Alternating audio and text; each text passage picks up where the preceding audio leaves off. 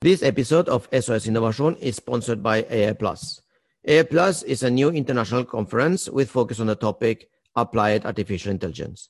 The digital conference was held for the first time on 15 to 17th of September 2020, and the second edition is set to 19th to 20th of May 2021. And uh, here we are with uh, Jørn Mjøster. He is the head of data science uh, at uh, Norway Post or in Norwegian uh, Posten, and uh, he will uh, he will attend, of course, the AI Plus conference this May, 19th and 20th of May, and he will be one of our keynote speakers. Hello, Jørn. Hi, Salvador. Hello. So, um, just uh, to make things very, very quick, um, what will be the subject of your speech? Uh, I'll speak about how we in Posten use AI and machine learning to generate a better customer experience. Uh, this is about how we could give more precision in how and when we will deliver things to you, and when we'll do that already at the checkout in the store. And I will talk a bit about how I mean that could give the web stores a competitive advantage for them. Okay, so it, it, it it's about uh, delivering much better information uh, about when on when the, the, the packages will come to you and yes. will, will arrive you. And uh, in a way it's much more comfortable and much more uh, convenient for uh, for the end user in, in is it? Yes. So the plan is to give you more information about when you will have to be home or when you can pick up the parcel so you don't have to stay home all day to wait for something but we'll tell or you several days or, or several, several, days. days. we'll tell you more exactly when it will arrive. Uh, that's the goal of this. And that will also make it much easier for you as a consumer to receive goods. And it will also give, a, in my opinion, a good advantage for the Norwegian, especially the Norwegian web shops that actually implements this because you'll have a much faster delivery. Exactly. And I'm, I'm, I'm sure that you're, you're talking about, uh, um, shops, web shops uh, mm. from I don't know Sweden or mm. Germany or other lands, other countries that many many uh, Norwegians uh, sometimes be, prefer because uh, of many reasons. but in, in, when you're with your system, the Norwegian web shops have a competitive advantage because I, me myself, as a, as a consumer can have uh, my packages much uh, much earlier compared yes. with uh, other um, other foreign uh, stores. Yeah, and I think that telling you that you actually will receive it the next day is a very important part for you. You will get it much easier and you will get it faster. And then actually, when you order something, you want to have it actually at the time when you order it. Oh, yeah. You don't want to wait for it. Watch up, Amazon. okay, and uh, just uh, to give us a little bit, uh, a little takeaway. Um, have you achieved spectacular results with uh, with your uh, new uh, service, or is, is it something that you are you are still bolting, or how how is it uh, how is it working? This is implemented and live for all our customers to use together with our API solution. So it's already implemented. We have several stores using it already, like Elektroimportøren, Komplett is using it. So we have several stores that are using this today. And you could see that we also see that from our pilot customers and the pilot tests we did that people actually are preferring that kind of delivery when they actually can see when it will arrive. So uh, we have received that. And that's also something I want to talk a little bit about is about when we received it and how we actually did it and how we made the first pilot in only six weeks together with our customer. Oh, very very exciting! I mean, I'm I'm thrilled. And uh, my last question: um, You, of course, are attending the conference, but mm. uh, why do you think uh, professionals uh, should attend this conference, the AI Plus conference, 19th and 20th of May? Uh, I think a good reason is that you will have a lot of good speakers. You'll learn from some of the best in class when it comes to using AI. And for myself, I also I will give you some advice on how to get started with using AI. I will not talk about using API or chatbots, but about the core machine learning business and how to get started with that and how actually to get your CIO, CFO interested in machine learning. Oh, that that's good because it can be a challenge. ah, very nice. Uh, you know, uh, Jørn, thank you very much, uh, Jørn Mjøster, uh, head of data science at uh, Norway Post Boston. Thank you very much for your time, and I'm really, I'm really looking forward uh, to uh, seeing you there and uh, to hearing and listening to your speech. Thank you so much. Looking forward to it. Thank you very much. Thank you. Hei, og velkommen til en ny episode i podkasten SOS Innovasjon. SOS Innovasjon er Norges første interaktive podkast av innovatører for innovatører. Det er et panel med prominente figurer innen innovasjon, digitalisering og teknologiledelse svarer på spørsmålene fra dere lyttere. Mitt navn er Salvador Beie, daglig leder i Intellis, rådgivning innen innovasjon og teknologiledelse, og partner for mentoring og investor relations i Agrator, inkubatoren for en renere, bedre verden.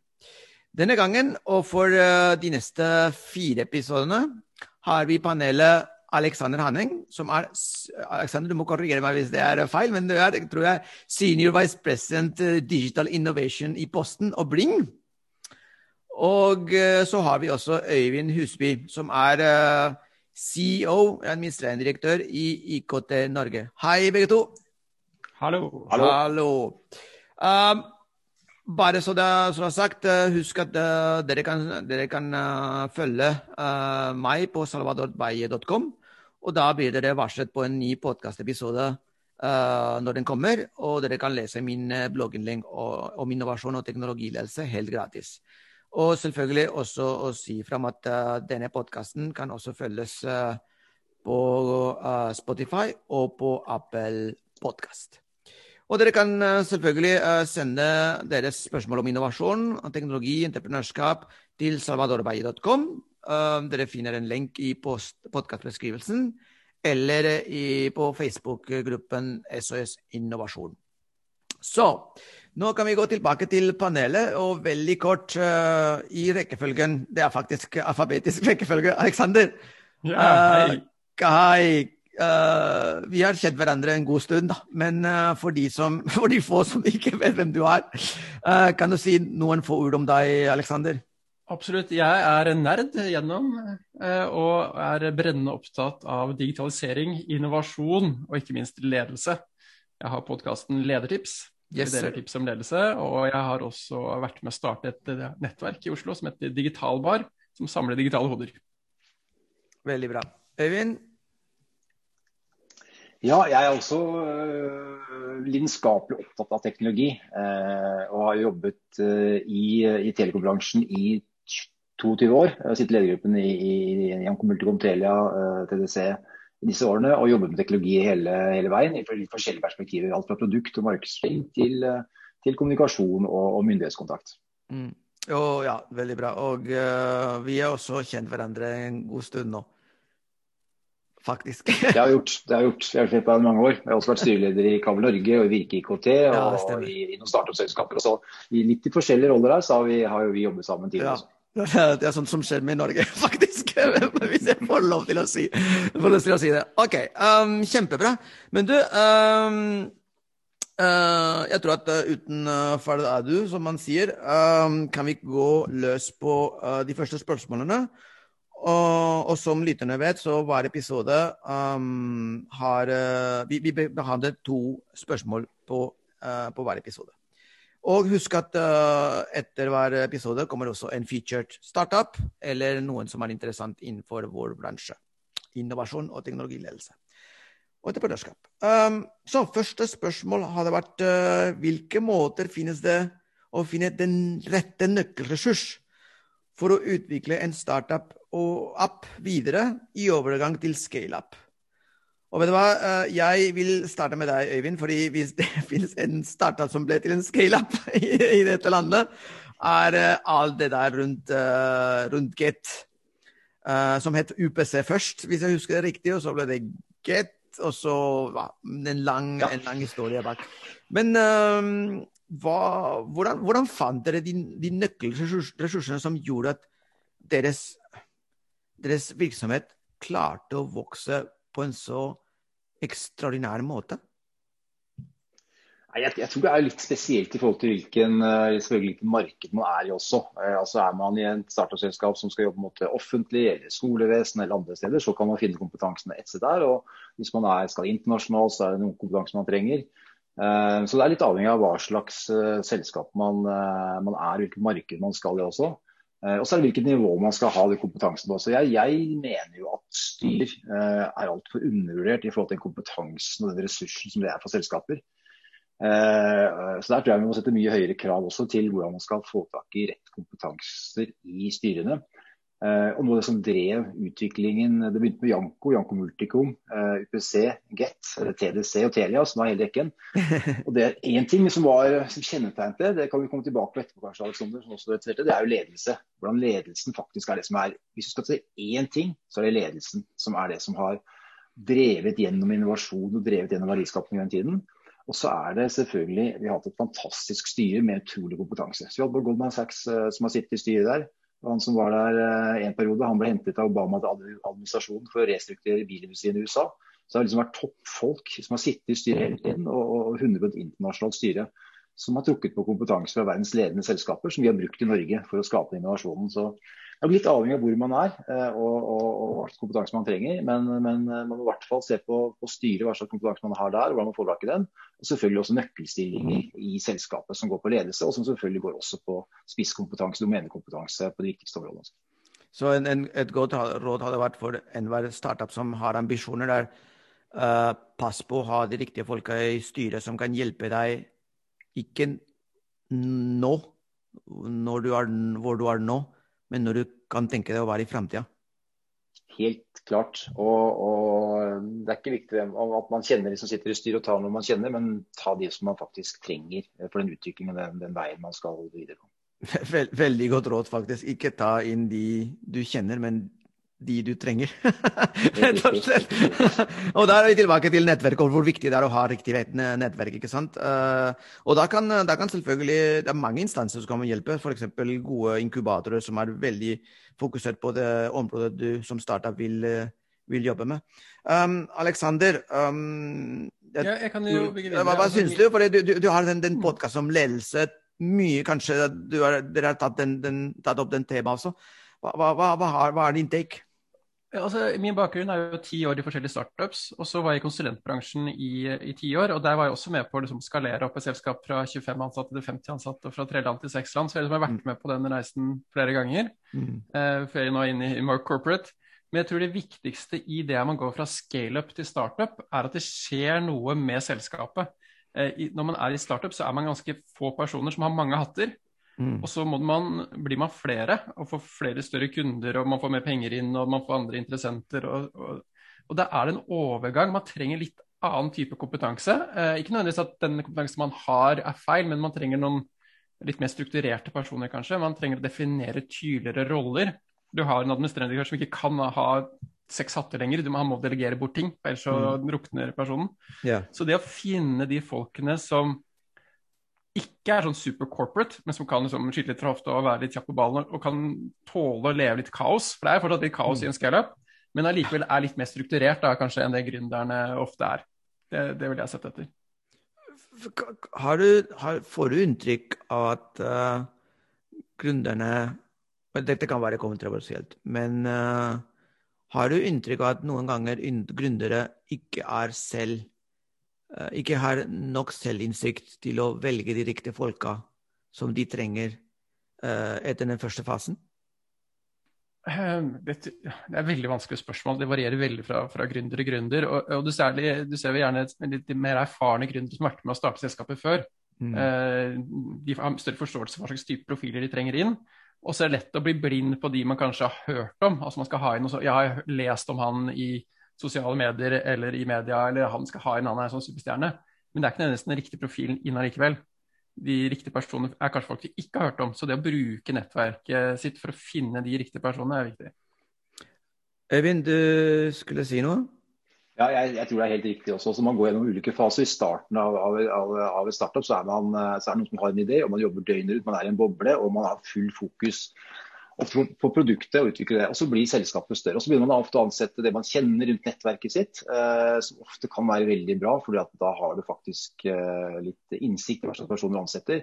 Så også kan bli vanskelig å vokse etter hvert, for det er ofte venner du ansetter. Så du kan få en del sånne problemstillinger som er at du, du har tette vennskapelige relasjoner. og Når det blir et større selskap, så vil du komme inn på ganske mange problemområder etter hvert. Så du får etter hvert litt sånn HR-issue, fordi at du, du er veldig personlige relasjoner til, til, til, de du har ansatt. Og så er det gjerne de som starter startup-selskap er jo superbra på ideen, produktutvikling og brenner for det. Men hvis du blir 30-40-50 ansatte, så må du være en administrativ leder i tillegg. Og kjøre de prosessene som skal til der. Og, og Da må enten gründeren ønske å ta den rollen selv eh, og utvikle seg selv som en leder sammen med selskapet, og det er fullt mulig å gjøre det. Eller så må man ha en andre ressurser som støtter eh, gründeren, eh, og som kanskje går inn som administrerende og gründeren går inn som ansvarlig for teknologi eller et eller annet eh, mm. Eh, isteden. Så det er jeg kan si Elon Musk, eksempel, som er teknoking nå. Eh, han eh, har jo tatt rollen for Han er også administrerende. Men å se hvert fall hvilken, hvilken styrke man har, og, og erkjenne at, at, for å bruke kompetansen best, så er det ikke nødvendigvis at man skal være administrerende og, og ha ansvaret for alle ferier og sykemeldinger, men, men kanskje overlate det til noen andre. Og, og ha fokus på det som driver verdien i selskapet som man har kompetanse på selv. Så er det interessant da, Når du ser på store, suksessfulle gründerselskaper som blir store selskaper, så har du ofte en sånn dualitet. Du har én leder som er den visjonære, kommunikative, den som drar framover, og så er det med den administratoren. Type Steve Jobs og Steve Wozniak er jo et kjent eksempel. Men bare her i Norge, se på Petter Stordalen. Det er ikke Petter Stordalen som er den som uh, gjør det hverdagslig. Der har han med seg en makker som, uh, som gjør det, og så er han den som åpner og uh, åpner hoteller og er i sosiale ja. medier og lager Så jeg tror du trenger de to. Om du kaller den ene CEO og den andre noe annet, det varierer. Men du trenger liksom den komboen av det kreative visjonæret og administratoren. Veldig bra. Ja, og når det kommer til Petter Stordalen, det han gjør veldig veldig godt, er å velge de beste for å lede hotellene sine. Uh, de, er, de, er, top notch, alle sammen. Altså, det er uh, rett og slett. Um, og så er det veldig interessant det du sier med CEO og en annen, en annen figur. Jeg er veldig pro at uh, må, enhver, enhver, CEO må ha en COO. Um, en CEO er den som skal både foreslå, kanskje, men også eksekvere strategien. Og så må du ha en COO som rett og slett gjør så, altså, det er mange brann overalt i et selskap hele tiden. Så du mener du trenger noen som tar den, altså tar den helterollen, gjør den jobben, og en CEO som må la den personen skinne. Uh, og det er ikke alle CEO som, som, tør å la den andre personen skinne. Uh, og de, de, de, foretrekker å ta på seg Supermann-kappe og, og, løse de problemene som de selv har skapt med, med, tidligere beslutninger. Uh, jo, um, Øyvind. Ja, og så er det også viktig at ikke det som er gründeren gir bort det som har vært det unike på selskapene også. Akkurat. Liksom outsource det til andre organisasjoner. Nå er det design som skal jobbe med det. Nå er det, nå er det, altså, så det er den gründeren og den, den, unike kompetansen og gløden entusiasmen og, og, som den brenner på, som er det som har vært grunnlaget for, for eh, et startup-suksess. og da må man ikke miste det når man blir større. Uh, og på Steve Jobs også, Han var jo brennende opptatt av innovasjon og produkter og detaljer. Og outsourcet ikke det til noen designer, det var ikke så viktig. Så det er liksom det å holde på kjernen av det som har vært suksessen, også når du skal scale up, da, som er viktig. også ikke, uh, så, uh, og som du sier, kanskje ha noen bygge team rundt seg som kan avlaste. Men man må aldri fraskrive seg totalansvaret selv mm. som gründer. Det er det, det er det, som har vært verdien og suksessen. Veldig, veldig bra. Um, vi går over til neste spørsmål. Um, men hvis du vil vite mer om disse temaene, eller du opplever en konkret problemstilling rundt innovasjon, teknologiledelse, entreprenørskap, som du vil diskutere med meg, kan du alltid ta kontakt på salvadorbaye.com, og lenken finner du i podkastbeskrivelsen. Uh, der kan du også finne eksempler av min aktivitet som rådgiver, coach, foredragsholder og konferansier. Og så går vi over til neste spørsmål, som ikke er enklere. og neste spørsmål er hvordan kan man organisere innovasjon i en mindre bedrift? Altså Vi snakker om en, en, en bedrift som er allerede organisert, som er en, en ongoing concern. Um, 50-100 ansatte. Og så vil de være innovative, vil de komme med nye produkter og tjenester som er utenfor kjernevirksomheten. Um, hvordan kan man organisere innovasjon under sånne betingelser? Er, det noen av dere som vil ta den første, det første svaret? Alexander, er kanskje nesten din tur. ja, det er min tur, men jeg vet ikke om jeg har noe godt, godt svar. Derfor holdt det alltid litt igjen her. Eh, jeg tenker at ofte er småbedrifter er innovative. altså I og med at de er små og på, så er de ofte tett på det. Det er ofte ikke det som er problemet. Mm. Eh, det er liksom andre utfordringer som jeg i hvert fall personlig har opplevd. Eh, med hvordan organisere de store bedrifter og etablerte bedrifter. Det er en kjempediskusjon som jeg har hatt med mange. Mm. Så den kan jeg godt si noe om. Ja, bare, bare, si noe om det, da. Det er, eh, det er sikkert også veldig, veldig interessant. Så kan, vi, ja, altså, spørre, så kan vi spørre Øyvind om den andre mer gifte spørsmålet. hva, syns, hva, hva syns du? Nei, altså det, altså det, å få innovasjon til å blomstre i etablert selskap er utfordrende over mm. tid. Rett, særlig hvis selskapet har suksess.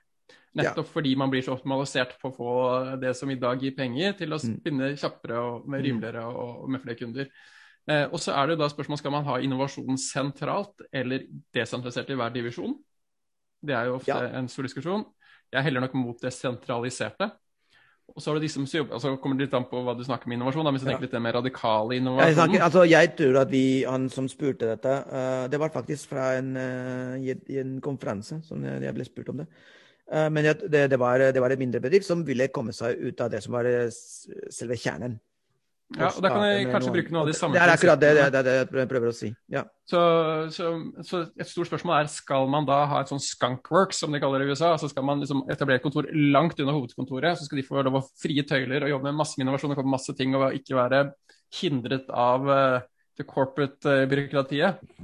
Eller skal man ha det internt? Det er det store spørsmålet. Fordelen med Skunkworks er at da får du jobbet veldig fritt. Problemet er når den ideen er bra nok til å skaleres opp så kommer disse som ingen har sett på tre år, ja. og sier at det er en god idé. Og så sier, sier resten av ja, nei, det, kontra det hvis det er internt, så har man den dialogen hele tiden og kan også justere. Så jeg er nok heller, nok heller med at man bør holde det internt, for ellers blir det for vanskelig å få det skalert opp senere. Men det er nok viktig at ikke det er de samme personene som er ansvarlig for daglig drift, som også er ansvarlig for innovasjonen. For da, blir, da, da vet alle vet hva som blir prioritert. Ja, og da, da må jeg si at jeg syns at disse argumentasjonene er veldig treffende på selve spørsmålet. Fordi når du har et, et lite selskap ikke sant, som eh, skal organisere seg på en måte organisere innovasjon bort i en form for skunkwork og, og Problemet er akkurat det. Når, når den, den, nye produktet, den nye tjenesten skal tilbake til linja, eller blir på en måte håndtert av linja. fordi det, det ender opp der uansett, før eller siden. Med å være noen på toppen som må ta en beslutning. Og, og de fleste sånne innovasjoner, eh, selv om de er utenfor linja, de, de, de regner med at linja kommer til å hjelpe dem altså, uh, med, med, med, å kommersialisere det nye produktet, den nye tjenesten. Um, så syns jeg at uh, jeg er, uh, det, er, det, er, det samme problemet. Altså, det er enda mer, enda mer aktuell, aktuelt råd da, når det kommer til mindre selskaper med ikke så mange ressurser. Ikke, sant? ikke så mange som har fritid til å absorbere nye ideer og nye tjenester og nye produkter fra noen som har tenkt kloke tanker. Så det er, eh, jeg syns det, eh, det, var eh, veldig treffende svar, Aleksander. Ja, takk. Øyvind? Ja, noen refleksjoner rundt det. Det var litt erfaring vi hadde også. I, i Get så utviklet vi jo Get-boksen i, i, sin tid. og Årsaken var at det fantes jo ingen, uh, ingen TV-bokser som hadde de de uh, egenskapene som vi var helt Jeg den! Jeg husker den. og Det ble et begrep, så, så, så vi satt og andre kalte det for Getboxen. Vi solgte Getboxen for det ble et begrep. Men den utviklet vi helt fra bunn av i Norge. altså Alt fra motherboardet og spesifikasjoner og alt. Vi hadde verdens beste uh, ingeniører i Norge som kom fra Tandberg, som satt uh, hos oss og utviklet det. Men de drev også med driften og hadde ansvar for, for når TV gikk ned også. og Det var jo bevisst, altså Vi hadde ikke kompetanse eller hadde ikke ressurser til å ha en egen innovasjonsavdeling. Men det var også bevisst fra ledelsen at det er de som faktisk som kan det er de som kan det 100% og som får feedback fra kundene hver dag, og som får feedback fra kundesentrene når ikke ting fungerer. og Det er de som, som er det som er eh, kjernen i TV-business, kjernen i mm. kundeopplevelsene, som er de som kan drive innovasjon også. Som har utviklet neste generasjons eh, TV-boks, Getbox, for et stort internasjonalt selskap som ble det eksportsuksess i Amerika og i Europa hos andre selskaper etter at det var utviklet hos oss. Mm. Det var både teknologien, designet, vi, vi lagde ny fjernkontroll, og, og, ledelsen satt med fjernkontroll begynte hvordan tommelen skulle gå best mulig på fjernkontrollen. Det er kundeopplevelsen, det er grensesnittet mellom maskin og menneske der. Eh, brukermanualen var skrevet på koreansk, det går jo ikke an. Vi lagde helt ny brukermanual, helt nye esker. Alt pga. kundeopplevelsen skulle være så god som mulig. Og Det ble da, det ble da eh, solgt til andre land etter hvert også. Men det, da brukte de da som sagt de som hadde ansvar for driften, uh, at det var oppe 24-7, som også designet nye voksne også. Uh, det, det, fungerte bra. Det, uh, og jeg har også opplevd at man har hatt eksterne avdelinger som skal drive innovasjon som jeg ikke syns fungerer godt nok. Eh, fordi det blir for løsrevet. Og du, ikke, og du mangler litt av den kjernekompetansen ved virksomheten også, for du blir sittende for løsrevet. Eh, så da bygger du sånn på helt på nytt uten å bygge på kapabilitetene som hovedselskapet har ofte også. Det kan gå hende at det bare er dårlig gjennomført, men det kan være utfordring når du sitter helt på, helt på siden også. At du, at du, klarer ikke å dra med deg den eh, kjernekompetansen som kanskje en helt ny innovasjon skal bygge på, eller de kapabilitetene du har. Eh, men Det kan hende du skal ha noe helt nytt også, som skal utfordre etablerte. Men allikevel så, så har jeg erfaringen er at det fungerer best med å ha det tett knyttet til operasjonen enn å skille langt fra. Ja, og, det, og da går vi, altså, Jeg syns at uh, nesten, konklusjonen blir nesten at ja, ja du kan ha skank awards fordi du har mulighet til å gjøre noen, noen gode grep der, som også Alexander sa. Men også som Alexander og du sier, Øyvind, at det, kjernevirksomheten uh, det må alltid være representert. Uh, enten fordi du har et sentralis mer sentralisert eh, hva kan vi si, Alexander, beslutningskjerne rundt innovasjon, eller fordi man involverer linja fra starten av. ikke sant? Hva du, du ja, tenker, Alexander? Altså, det er fryktelig vanskelig å jobbe med, med sånn radikal innovasjon som virkelig lykkes. Som virkelig blir et helt nytt ben å stå på for et selskap. er vanskelig, Men man har noen fordeler ved å ha det sentralisert. Det er noe med å ha Eh, kompetansen sammen med et sted, istedenfor at den blir mm. spredt ut organisasjonen. Det er noe med at man har et mer helhetsblikk, og ikke liksom på akkurat en divisjons lille område, eller at man har denne litt bredere blikket. Men jeg syns jo den historien du fortalte om Getboxen, er jo rett i en av mine store kjepphester. Og det er at i Norge så er vi så veldig på at ja, men de er så flinke i USA, de er så flinke i Asia, de er så flinke Men vi kan ikke gjøre Norge. Vi kan ikke lage hardware her. I hvert fall ikke med konsumentmarkedet. Så viser jo det eksempelet ditt at det kan vi. Vi kan nesten bli eksportsuksess. Og jeg blir varm av hjertet når jeg ser bildet av eh, Mark Zuckerberg som sitter med Remarkable. Ja. Det syns jeg er kult. Ja, Det er fantastisk kult. Og det, og det viser altså bare for å ta Remarkable-eksempel, altså, det er 185 stykker som sitter nede i Oslo her. Alle er norske. Norsk selskap som, som, har, som har utkonkurrert eller konkurrerer på høyde med Apple og, og Amazon, Kindle, og lager en av de kuleste produktene i verden i konsumentmarkedet, som du skulle tro ikke var mulig i det hele tatt. Men det de sier er jo at eh, altså, innovasjon, kompetanse, den er jo like, vi har like mye det i Norge som du har i USA og andre steder. Det er likt fordelt i verden, Uh, mm. intelligens foreløpig. Og i Norge så har vi utrolige muligheter for å lage de produktene, bare vi tør å satse. Og så er det mye å si om Vivato også, men det er jo hele kommunikasjonen. Det, det er, de har jo teknologien som er veldig bra, men det er også den kommunikasjonen de lager rundt produktet sitt også. Og den, den uh, better paper, better thinking. Og den, det mange ønsker seg med tilbake det enkle. Man lager på en måte en, en helt forestilling om det produktet, eh, som både er kommunikasjon og teknologi, uh, og lykkes da internasjonalt på den måten. Med 100% norsk selskap, med 100 bare nordmenn som jobber i Norge og som lager det. Så Veldig veldig godt eksempel. Et annet eksempel er jo eh, Cisco videosystem, som kjøpte Tandberg, eh, Tandberg og som nå sitter på eh, til Lysaker, eh, Video Valley, som vi kaller det for, sammen med Pix og andre. Og produserer alt, all videoutstyret med 450 norske fra, eller 450 til Norge for Tandberg. Da produserer vi alt sammen eh, bakgrunn av, at Tandberg. må produserer da Cisco har kjøpt det, så det produseres ute i verden. Og de mener vi er verdensledende på, video, på, i Norge.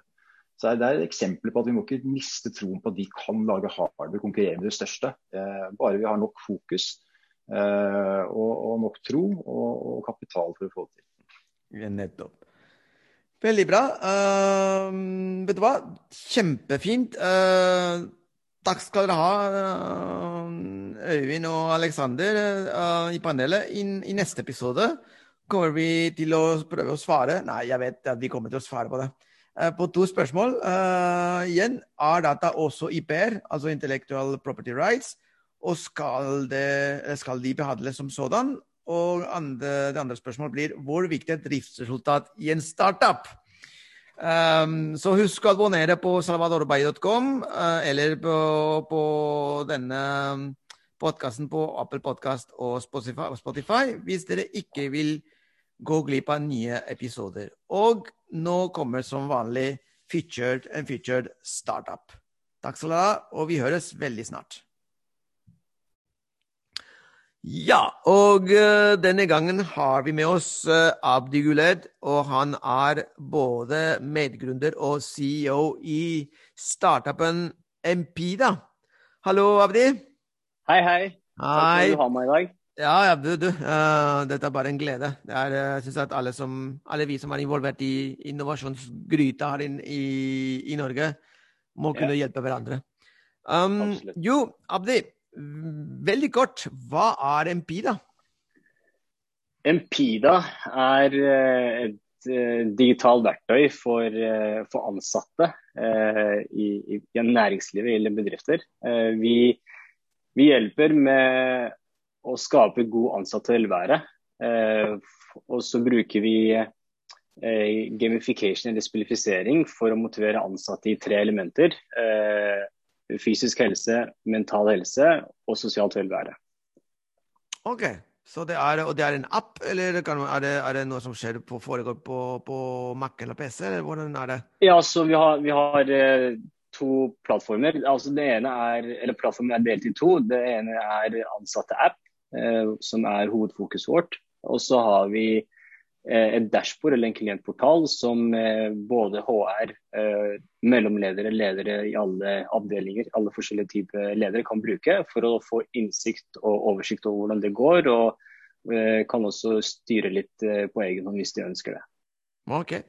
Um, og hva skal være Hvis uh hvis en, en, en eh, arbeidsgiver eller hvis en arbeidstaker bruker dette, um, hvordan, hva, hva, slags, hva, slags, profit eller, eller, hva slags benefit får både arbeidstakeren og arbeidsgiveren ut av dette?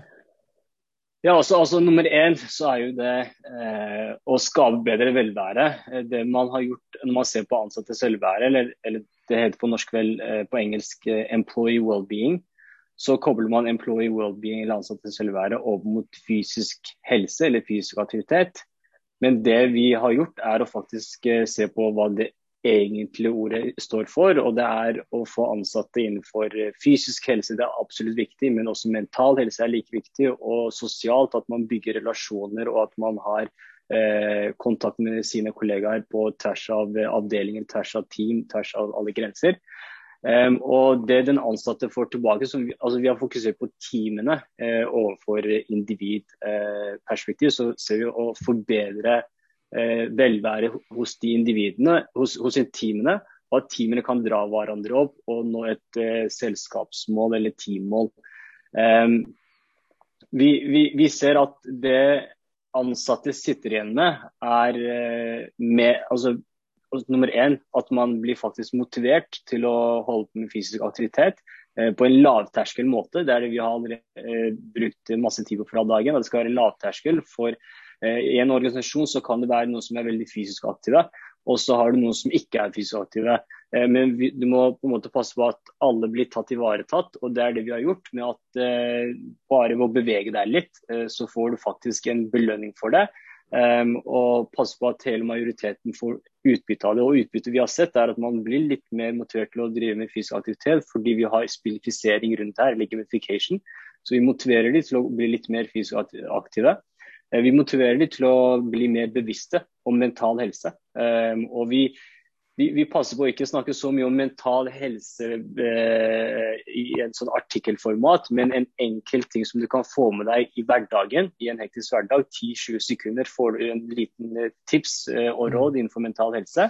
Eh, og, og, så ser vi også med sosialt velvære at vi ser faktisk eh, ansatte som eh, per dag satt bruker løsningen vår, at de blir eh, knyttet til nye kollegaer som de ikke har møtt tidligere. Eller som de bare kanskje har sett eh, ansikt til ansikt en gang ved kantina eller, eller på mm.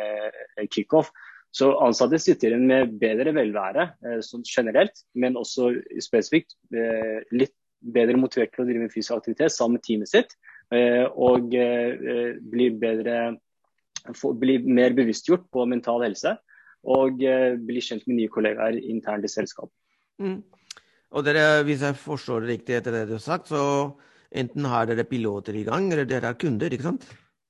Ja, så Vi hadde piloter i fjor. Vi startet opp i, eh, i fjor, i slutten av sommer i fjor. Og så har vi hva skal man si, nå er jo versjon ja, litt over 30, kanskje. Så vi har jo Lean startup. Lean startup på, på, alle måter. Så vi, er, vi, hadde pilotkunder i november i fjor um, som ble betalende kunde. Uh, per dags dato så har vi uh, advokatfirmaet Thommessen som en mm. kunde. Uh, og så har vi Talkmore Telenor, altså Talkmore AS, som ja. kunde. Og så er vi i dialog med en del andre kunder i samme størrelsesorden. Ja, kjempebra. Så det er ingen, store, ingen smågutter som, som dere, dere, leker sammen med? Nei, absolutt ikke. Og det, og det har vært eh, nummer én fokus på at vi skal egentlig se på Kan vi få med store kunder som, som kan verifisere konseptet vårt mm. og, kan, og, kan, forstå at det, eller kan bevise da, at dette er et produkt å jobbe videre med. og Det har vi fått god tilbakemelding på så langt. Kjempebra. Hva er det som, er det som uh, skiller dere fra andre? Altså, hva er det som er unikt med deres uh, løsning? Ja, det, det, det, blir jeg spurt om hele tiden. Um, ja, det er logisk at dere blir spurt om. Sikkert med en del investorer også når vi gjør det. uh, selv, selv, i møter med, med, med de, demomøter så blir jeg alltid spurt om det i første to minuttene, og så, og så forklares det seg selv etter, etter ti minutter. Ja. Uh, det vi har sett er veldig kort. Um, I markedet så har man i dag eh, Det er ganske fragmentert marked, både i Norge, uh, Europa og i USA. Og det man ser er at det finnes selskaper som fokuserer på å levere tjenester innenfor fysisk helse. Det finnes selskaper som gjør det for mental helse. og eh, Psykologi, eh, webinarer, eh, mental helse-webinarer, seminarer osv. Og, og så har du selskaper som også driver med eh, sosialt velvære. Eh, det vi har sett på er de store konkurrentene i utlandet, England og USA. Så har man både noe som heter Vitality eh, og Virgin Pulse, eh, som er under Richard Branson sin gruppe. Og det de fokuserer på, er individets helse. At den enkelte individ skal ha bedre velvære. Eh, samtidig så blander de masse annet i forhold til financial well-being, eh, altså dine pensjon, dine forsikringer osv., for det er inkludert i ditt velvære. Mens det vi har sett på, vi, nisjen vår, er å fokusere på teamene. Kan vi få et team til å ha bedre velvære? Og, eh, og, og Istedenfor å blande inn pensjon og forsikring og alt det der, som også er like relevant privatøkonomi, så har vi fokusert på fysisk helse, mental helse, ansatt, eh, sosialt helse eller sosialt velvære innenfor teamet. Og Klarer vi å bygge et god team, eh, la, få lagfølelse, bedre kultur, eh, føle samholdet, så har du at et team som drar hverandre opp, det vinner man stort på. og Det er forskningen bak det også som støtter eh, logikken vår. Kjempebra. Um, OK, nå bare for å avslutte, Abdi.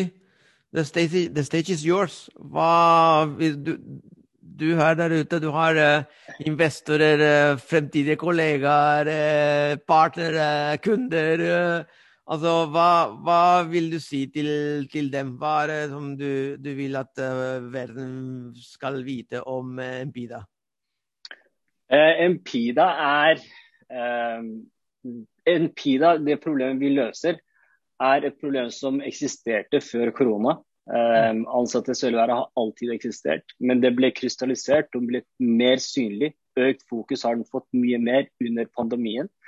Og Snart får vi alle sammen forhåpentligvis vaksiner. Uh, og Når de blir rullet ut, så tror alle at det er ferdig. Uh, men ansatte selvvære vil også være der. Uh, det vil være et problem så lenge man driver et selskap. Så lenge man har ansatte, så er det et problem.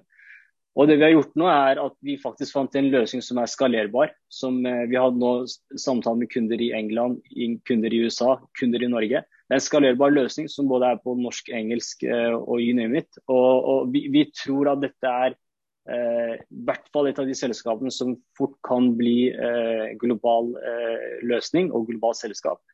Og er du investor og kollega. altså Vi er ikke ute etter penger akkurat nå, eh, heldigvis, denne gang. Eh, men er du en investor eller en eh, potensiell partner eller en kollega, så er Empida et, et selskap du, du, du, du, burde kjenne til. Og, og, vi inviterer deg til å bli kjent med oss for, for, å ta et neste steg.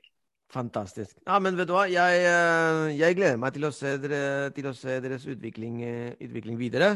Jeg syns det er faktisk en veldig god idé. Og dette med å fokusere på team istedenfor enkeltpersoner. det høres i hvert fall som noe veldig uh, litt, så, noe banebrytende, og som, som, som, jeg ikke har sett før. Så istedenfor å ha litt, litt, massasje til den ene eller den andre, så som noen selskaper gjør, ikke sant, og, og leie inn noen som kan gi en sånn massasjist, massaterapeut, whatever. Uh, ja. Nei, men man, man, prøver å gjøre det på, på, med, med, på på time, og, og, og ja. få resultater ut av time. og Da, da tipper jeg at det er det blir også litt enklere å, å, selge, da. For da kan du selge til en uh, avdelingssjef istedenfor å gå helt til toppen til, til uh, innkjøpsavdelingen, vil jeg tro. Absolutt. Absolutt. Det har vi snakket om tidligere. Litt uh, bottom up sales. Mye ja. Enklere å, å, komme seg inn i flere selskaper fortere. Veldig bra. Kjempefint. Tusen takk, Abdi Guled, og tusen takk til Empida. Lykke til videre. Tusen takk skal du ha. Takk for at du har med i dag. Snakkes. Ha det. Ha det.